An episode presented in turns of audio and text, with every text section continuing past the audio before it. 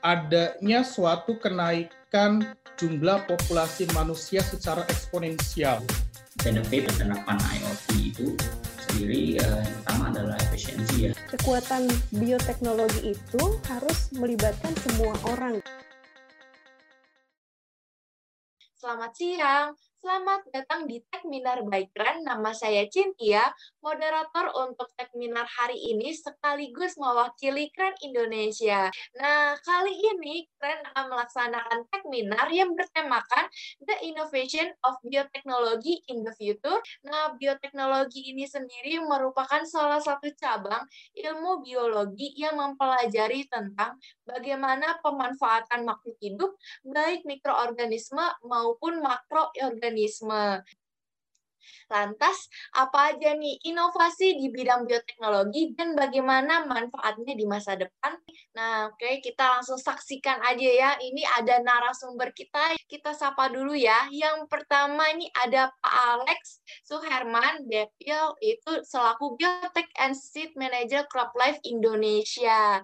Dan beliau juga saat ini menjabat sebagai Biotek and Seed Manager di Crop Life Indonesia yang mengurus yang mengurusi benih tanaman produk rekayasa genetika dan perbenihan lainnya. Kita akan menyapa narasumber kita yang kedua. Oke, ini yang narasumber kita yang kedua ada Pak Hendra Santian Purnama selaku co-founder and CMO dari Simon Coritek dan uh, beliau juga aktif ya di co-founder and CMO at uh, Simon Coritek dan research at Embedded System and Power Electronics Research Group lalu menjadi research juga at Center of Electrical Engineering Research and Development, dan member of Institute Advanced Engineering and Science. Kita sapa lagi narasumber kita yang terakhir, yaitu ada uh, Kak Karlia Meita, selaku Ketua Program Studi Magister Bioteknologi SITH di ITB.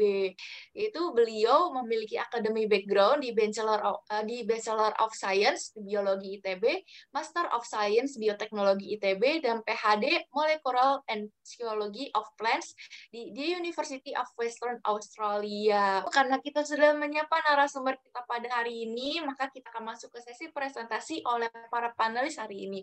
Maka dari itu, yang pertama saya ingin mengundang Pak Alex L. Suherman, eh, selaku Biotech and Seed Manager CropLife Indonesia untuk waktu dan tepatnya, saya persilahkan. Saya mau kenalan dulu nih. Jadi CropLife Indonesia itu merupakan bagian dari Federasi Global kami berkantor pusat di Brussels, di Belgium. Ya. Nah, di CropLife Indonesia sendiri itu ada lima divisi, seperti yang bisa dilihat. Saya handle untuk produk bioteknologi tanaman dan perbenihannya. Anggota kami ada enam perusahaan global, multinational companies, ada Syngenta, Bayer, Corteva, BASF, MMC, Nufarm. Saya mau mengawali presentasi saya, ini ada sesuatu yang mencekam, yang mengkhawatirkan adanya suatu kenaikan jumlah populasi manusia secara eksponensial, meningkat secara drastis, tetapi di satu sisi kita memiliki ketersediaan bahan pangan yang terbatas. Nah, tantangan lain tentunya kita selalu dihadapkan pada masalah hama dan penyakit pada tanaman, ya, kemudian banjir, kekeringan, alih fungsi lahan. Nah, ini ada data dari Siameo Biotrop. Mereka melakukan riset kalau eh, hama dan penyakit tanaman ini tidak ditangani dengan bijak, dengan benar, maka bisa menghilangkan produktivitas tanaman pangan sampai dengan hampir 40%. Nah, oleh karena itu kita butuh suatu pendekatan yang berasaskan sains. Salah satunya adalah dengan uh, pemanfaatan atau aplikasi dari crop biotechnology tanpa kita sadari sebetulnya bioteknologi itu sudah ada di tengah kita sejak lama ya. Kita tanpa sadar pernah mengkonsumsi misalkan tape singkong ya. Kemudian ada tempe keju roti wine atau kecap dan sebagainya. Ini sudah kita temukan sehari-hari sudah kita konsumsi dan sebetulnya itu adalah produk bioteknologi. Salah satunya adalah fermentasi sederhana.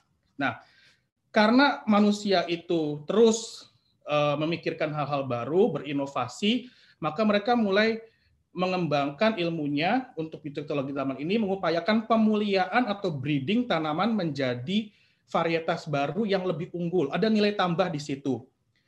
Dulu sebetulnya ya watermelon, semangka, kemudian jagung, pisang dan sebagainya, aubergine atau terong itu merupakan tanaman liar seperti yang bisa kita lihat di gambar sebelah kiri. Nah, kemudian karena adanya proses alamiah maupun intervensi dari manusia, kita bisa melihat ya wortel, watermelon, pisang, jagung seperti bentuk yang sekarang ada saat ini. Dan kemudian dengan adanya ilmu pengetahuan bioteknologi tanaman yang modern memungkinkan kita melakukan rekayasa genetika untuk meningkatkan nilai tambahnya. Misalkan di gambar sebelah kanan itu ada yellow rice. Ya, jadi berasnya itu sudah difortifikasi dengan misalkan beta karoten. Nah, seperti yang kita lihat sekarang sudah banyak produk-produk rekayasa genetik lain di dunia ya. Misalkan di Amerika, di Kanada kita sudah ada kentang yang tahan terhadap pembusukan, ada juga non browning apple yang tahan terhadap oksidasi di Amerika Serikat. Nah, di Indonesia kita sudah ada satu varietas tanaman produk rekayasa genetika yaitu drought tolerant sugarcane atau tebu yang tahan terhadap kekeringan. Nah, di Indonesia sebetulnya penelitian tentang tanaman produk rekayasa genetik itu sudah banyak, sudah cukup intens. Kalau misalkan di instansi pemerintahan di BUMN itu ada PTPN 11 ya, kemudian ada asosiasi lainnya, universitas juga ada banyak, ada IPB, ITB. Kemudian dari segi LPNK atau lembaga pemerintah non kementerian, misalkan ada BRIN, ya di dalamnya sekarang udah lebur ya, ada BPPT, ada LIPI, ada BATA.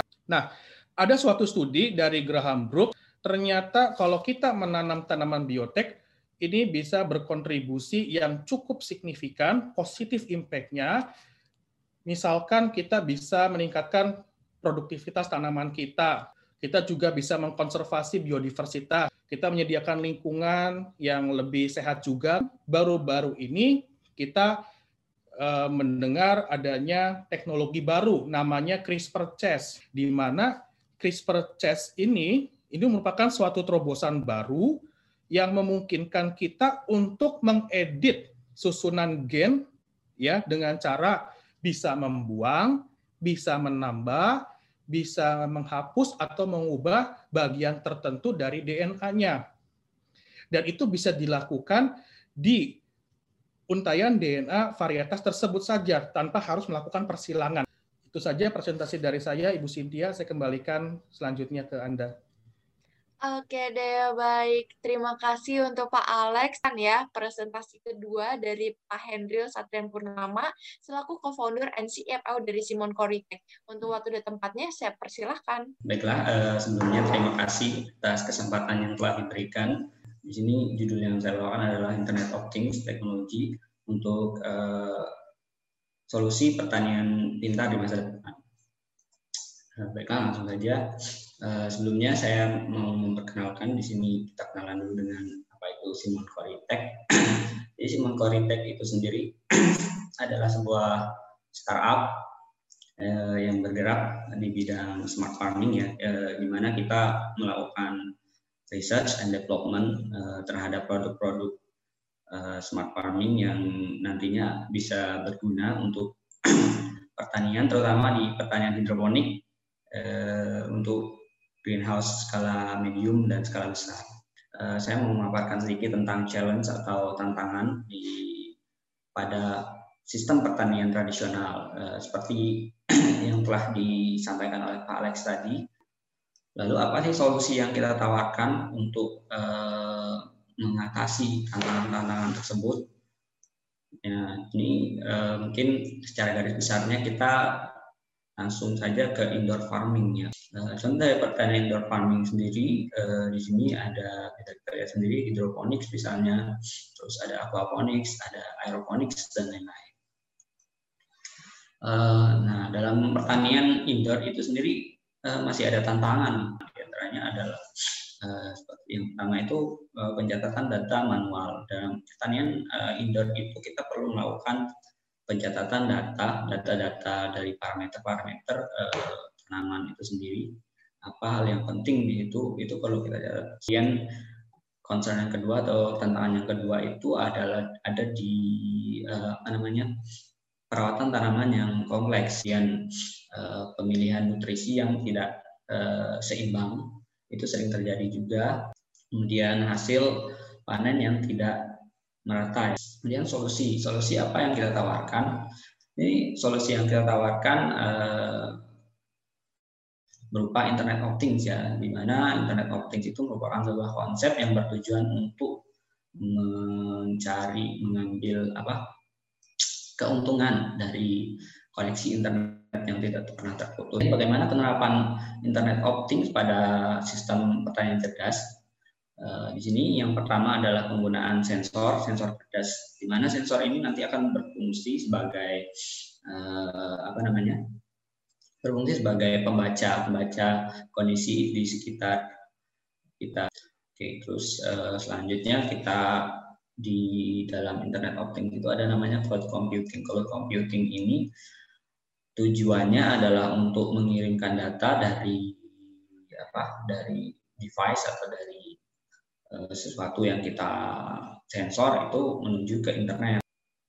Oke, untuk selanjutnya kita menggunakan smart controller Kemudian uh, kita lanjut ke poin keempat yaitu mobile application. Uh, aplikasi lainnya tentunya banyak sekali. Mungkin salah satunya ini salah banyaknya maksudnya.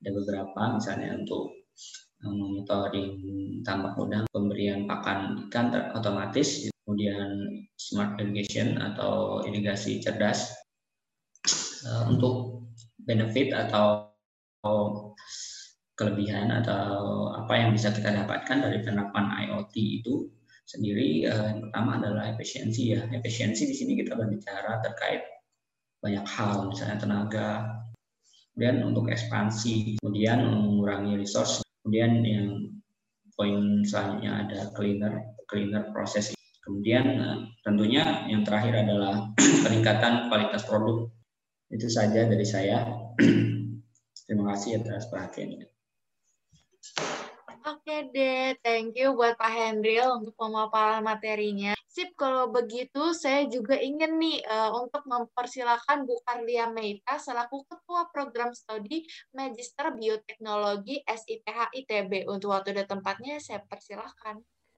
Baik, terima kasih Mbak Cynthia. Ke uh, sebetulnya bioteknologi itu basisnya apa sih? DNA kita itu yang ada di dalam inti sel yang sebetulnya isinya itu hanya empat basa gitu ya urutannya ACTG ACTG berulang-ulang berulang-ulang kemudian uh, uh, ACTG ACTG ini gitu dari DNA ini untuk mengkode apa sih nah dia tuh untuk mengkodekan protein protein kalau tadi hanya empat basa kalau protein terdiri dari asam amino dan hanya 21. Kemudian 21 ini berkombinasi sedemikian rupa gitu ya menghasilkan protein macam-macam. Ya jadilah kayak gini gitu ya. Eh, bisa jadi organisme yang uniseluler satu sel seperti bakteri atau seperti kita nih organisme multiseluler. Baik. Mungkin tadi kalau kita kembali ke talknya Pak Alex membicarakan bagaimana manusia telah mencoba mengotak-atik dari urutannya begitu ya urutan DNA-nya. Nah, lalu sebetulnya barusan kalau teknologi yang di, yang dikembangkan oleh Pak Hendril bersama kawan-kawannya itu adalah kita mengubah kondisi lingkungan sehingga ininya yang berbeda gitu ya proteinnya. Jadi semuanya basisnya tuh sebetulnya hanya di sini aja gitu ya si uh, biotek itu. Agrikultur di sini yang ingin uh, saya tunjukkan pestisida-pestisida berbasis DNA atau RNA. Nah, tadi kode genetik, tapi bukan mengubah atau memodifikasi kode genetik di dalam selnya, hanya kami menciptakan berbasis kode genetik gitu ya. Eh, aksi resiprokal ini kayaknya bagus nih untuk dijadikan ide bikin biopestisida. Yang kedua adalah CRISPR, jadi gene editing yang ditemukan oleh eh, Ibu Jennifer Doudna dengan Emmanuel Champetier. Nah, yang sedang kami kembangkan adalah kami ingin melakukan bagaimana caranya mengedit gen di dalam suatu sel, tapi betul-betul tidak ada transgenik-transgenikan. Berikutnya, kita berpindah ke medicine ataupun uh, kesehatan. Saat ini kami sedang mengembangkan eh, VTM atau virus transfer media yang activated ataupun inactivated. Kami sedang mengembangkan mesinnya, jadi kami sedang membuat uh, mesin qPCR bekerja sama dengan uh, Center for Microelectronics Microelectronics ITB. Nah, lainnya adalah juga uh, kami terlibat pada whole genome sequencing untuk SARS-CoV-2 di Indonesia ini begitu ya tentu saja bekerja sama dengan berbagai institusi pemerintahan lainnya. Nah, sekarang yang sedang uh, naik daun adalah personalized medicine. Nah, nanti ke depan kita kembali lagi baca dulu itu si ACTG ACTG-nya ya, di sequence dulu dia seperti apa urutan gennya. Kira-kira dia cocoknya diberi uh, obat yang mana kalau dia uh, misalkan membawa gen yang memang rentan terhadap kanker atau gen yang diketahui oh dia sih nggak akan bisa pakai obat ini karena dia akan sangat alergi nggak punya enzim untuk mencernanya dan lain sebagainya sehingga terapinya bisa di dibuat lebih personal begitu. Eh, contoh lain, other industries, kami mengembangkan juga ini coffee fermentation. Nah, kalau di sini kita uh, coffee fermentation, jadi menggunakan konsorsium bakteri sehingga tidak menggunakan luwak karena banyak juga untuk animal ethics. Nah, kalau ini dengan fermentasi tapi diklaim uh, rasanya lebih unggul kopi hasil fermentasi kami dari daripada hanya kopi luwak begitu. Nah, sekarang saya ingin menarik perhatian kita semua gitu ya bahwa kekuatan bioteknologi itu conversation gitu ya percakapan mengenali bioteknologi itu harus melibatkan semua orang gitu ya karena itu akan berhubungan dengan kedaulatan kita semua. Baik, sekian dari saya. Terima kasih untuk perhatiannya dan semoga di masa depan kita dapat uh, berkolaborasi. Terima kasih saya kembalikan kepada uh, Mbak Cynthia. Oke deh, terima kasih untuk Bu Karlia.